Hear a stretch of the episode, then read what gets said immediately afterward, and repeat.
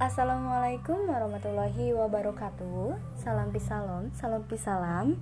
E, Di podcast kali ini Aku sendiri lagi. Gak ditemenin sama siapa-siapa. Emang kepengen pure sendiri aja Bikin podcastnya. Biar fokus juga.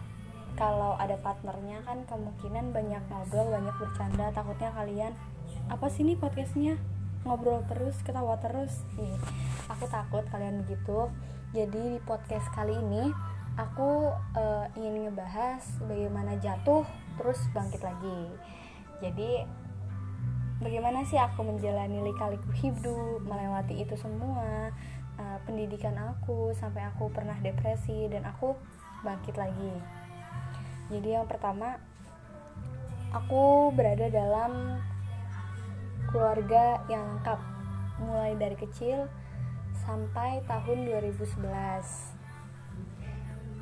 aku bertiga saudara aku anak terakhir kakakku ya kakakku yang pertama beda 8 tahun dari aku. Yang kedua beda 4 tahun dari aku. Dua-duanya laki-laki. Dan senang aja pas itu masih SD kan ya. Alhamdulillah punya kakak yang baik-baik. Terus nggak lama tahun 2011 nih mamaku sakit. Terus dirawat pada saat itu kelas berapa ya? Kelas 5 kelas 5 pas mamaku dirawat aku mulai nyuci baju sendiri apa ngurus rumah sendiri. Dan pada saat aku disuruh nyuci pertama-tama kali aku nyuci itu kelas 5 SD dan aku nangis. Kenapa aku disuruh nyuci? Kenapa aku nyuci? Gitu. Sedangkan teman-teman aku mungkin pada main ya kan anak-anak seusia aku pada jalan-jalan naik sepeda pas pas itu tuh terus aku mikir lagi oh iya mamaku lagi sakit. Terus nggak lama mamaku meninggal karena sakit sakit jantung. Terus aku tinggal berempat. Berempat itu aku bapakku kakakku kakakku lagi. Dan kita ngelewatinnya tuh kayak oh gini ya tanpa orang tua. Oh gini ya masak nggak ada yang masakin. Oh gini ya kita cuma makan apa yang kita beli aja gitu. Tapi kadang bapakku juga masak karena bapakku juga suka masak sih. Terus abis itu nggak lama bapakku kerja di Arab. Terus uh, kita itu tinggal bertiga aku sama kakak-kakakku aja berdua tuh. Kita tinggal bertiga nggak lama kakakku yang pertama itu nikah. Terus setelah itu kita tinggal berdua. Aku tinggal berdua sama kakakku yang kedua. Dan itu benar-benar gimana ya? Oh gini ya. Hidup tanpa orang tua. Itu pas aku kelas 7 SMP oh gini ya. Jadi anak sekaligus ibu mungkin yang harus bangunin kakak. Harus beres-beres rumah. Harus menyeimbangkan antara aku pengen main biar aku uh, kayak uh, anak-anak seusia aku pas itu. Aku ngurus rumah dan juga pendidikan. Jadi semua itu aku berusaha supaya seimbang. Dan kemudian eh, nggak uh, lama bapakku itu pulang dari Arab ke rumahku ke Tangerang. Terus habis itu nggak bapakku nikah lagi dan nikah laginya itu sama uh, orang Jawa orang Jawa Tengah kalau nggak salah. Ya aku kira bapakku pulang kampung ngapain kan? Ternyata nikah lagi ya. Nggak masalah. Pertama nggak masalah tuh aku sama kakak aku berusaha untuk welcome ke ibu. Dan ibu itu lama-lama kayak merotin uang bapakku aja kan. Aku nggak terima. Terus aku dan kakakku itu sepakat untuk nyuruh bapakku nyerahin ibu aku dan akhirnya nggak lama cerai. Terus bapakku kerja lagi di Arab. Dan aku tinggal berdua sama kakak aku lagi. Kemudian budaya aku yang sangat baik hati dan tidak sombong eh, ngurus aku 2 tahun dari aku kelas kelas berapa ya? Kelas 8 sampai lulus SMP kelas 9 padahal dia punya anak tapi anaknya ditinggal demi ngurus aku. Coba ya Allah baik banget kan? Terus setelah dua tahun bapakku di Arab uh,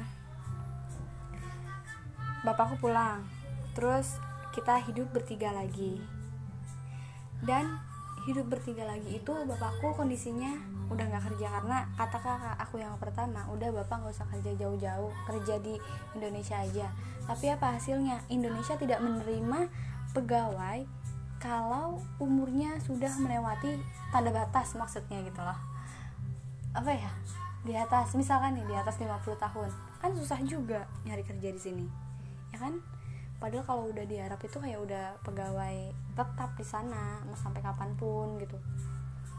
Terus ya udahlah rezeki mah udah ada yang ngatur udah terlanjur kan nasi udah jadi bubur ya kan?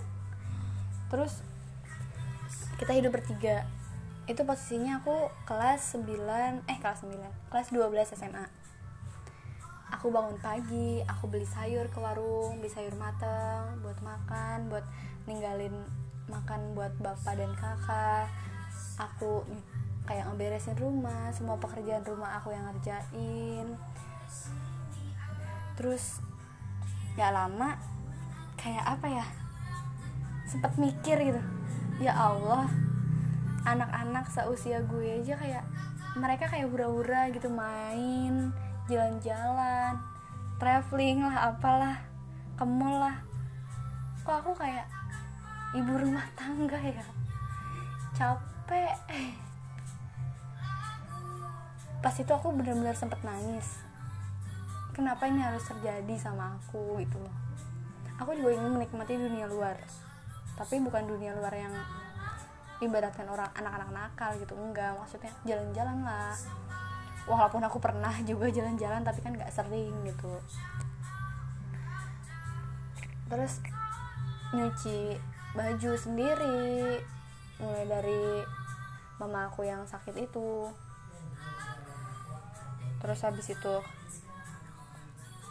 nggak lama kan uh, eh, SMA tuh lulus SMA di podcast yang kedua kan udah aku jelasin kan. Di SMA itu aku kayak sedih juga karena nggak bisa ikut uh, perpisahan kelas kan.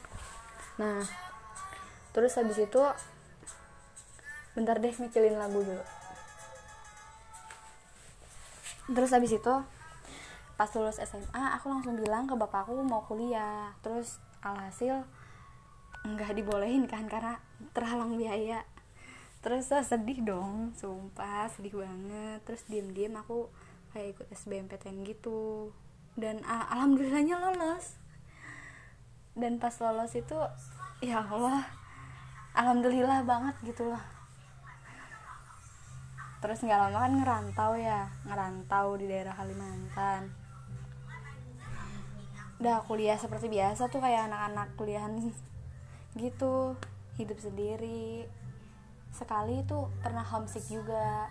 Tapi nggak homesick banget gitu loh karena udah biasa juga jauh dari orang tua jauh dari keluarga gitu loh. Ya udahlah jalanin aja. Ya begini adanya gitu. Semakin dewasa kan semakin kayak hidup sendiri gitu. Kayak makin individu gitu. Terus tujuan aku kuliah kan aku memastikan ke orang tua aku tuh kayak aku yakin lah dapat beasiswa. Dan pada saat itu aku mendapatkan itu. Aku bersyukur banget aku bisa dapat beasiswa. Jadi tugas aku tinggal ayo uh, bangun relasi seluas mungkin duduk manis kuliah ikut kegiatan-kegiatan positif yang bisa kamu ikutin gitu. Biar pulang-pulang ke rumah itu ada hasilnya bukan jadi sampah aja gitu. Itu prinsip aku kalau kuliah. Terus uh, beberapa bulan yang lalu aku merasakan depresi. Kenapa? Aku capek aku bener-bener capek ngejalanin hidup. Aku capek sama semua sifat manusia. Aku sempat mikir hidup ini keras ya hidup ini keras ya. Hidup itu udah susah jangan dibikin ribet lagi din. Kita kalau diem aja nih bakal jadi sampah negara terus ada satu temen aku aku curhat semua ke dia. Aku luapin semua ke dia. Dan lega sih walaupun nggak tahu deh dia cuma kepo dengan cerita aku atau peduli. Aku nggak peduli deh pokoknya. Yang penting aku udah cerita aku udah lega. Dari penyebab aku depresi itu. Dan kemudian beberapa minggu yang lalu aku kayak memotivasi diri aku sendiri gitu. Dan aku suka bilang lelah akan semua itu. Tapi aku memilih untuk bangkit lagi. Karena aku ngeliat ke belakang ngeliat orang tua aku yang nunggu aku dapat gelar sarjana. Terus aku memilih untuk tumbuh lebih dari sebelumnya. Aku memilih untuk tidak kalah dengan keadaan. Aku berkembang menjadi lebih hebat dari sebelumnya. Terus uh, aku juga pernah bilang bilang ke diri aku sendiri lelah itu pertanda baik tidak apa-apa. Aku mengakui hal tersebut. Lelah itu artinya aku sedang tumbuh. Coba deh, tutup mata sejenak. Bayangkan salah satu momen indah yang pernah kamu rasakan, Din. Aku pasti sampai kayak gitu tahu. Terus bayangkan kapan terakhir kamu tertawa lepas. Bayangkan kapan terakhir ada orang yang percaya dan kemampuan beserta rencanamu itu. Kamu sedang tidak tertinggal dari siapa pun, Din. Ayo semangat, bangkit lagi.